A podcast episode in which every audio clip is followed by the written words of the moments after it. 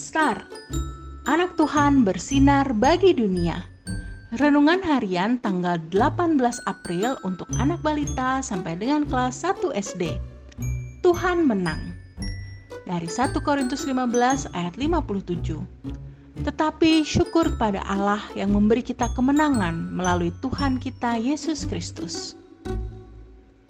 Kedua malaikat itu berkata kepada para perempuan, "Tuhan Yesus tidak ada di sini, sebab Ia telah bangkit."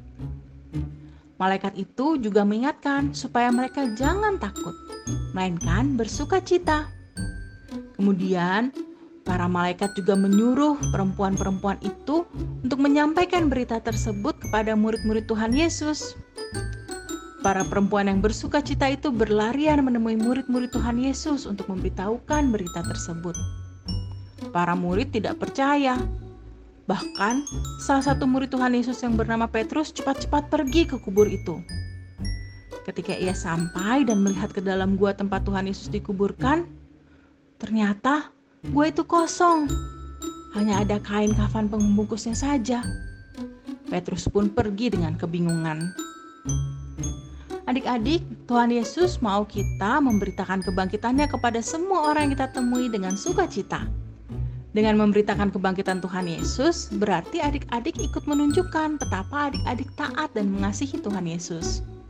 Yuk kita nyanyikan lagu Ku Menang, Ku Menang bersama Papa dan Mama.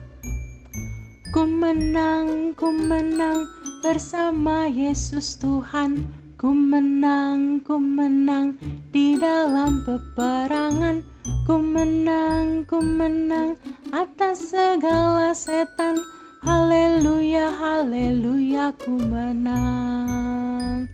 Haleluya, dia bangkit. Haleluya, dia hidup. Haleluya, dia naik. Roh Kudus turun.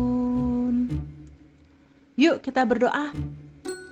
Tuhan Yesus Ajari dan tuntun aku Untuk bisa menceritakan Arti kebangkitan Tuhan Yesus Kepada teman-temanku Dengan sukacita. Amin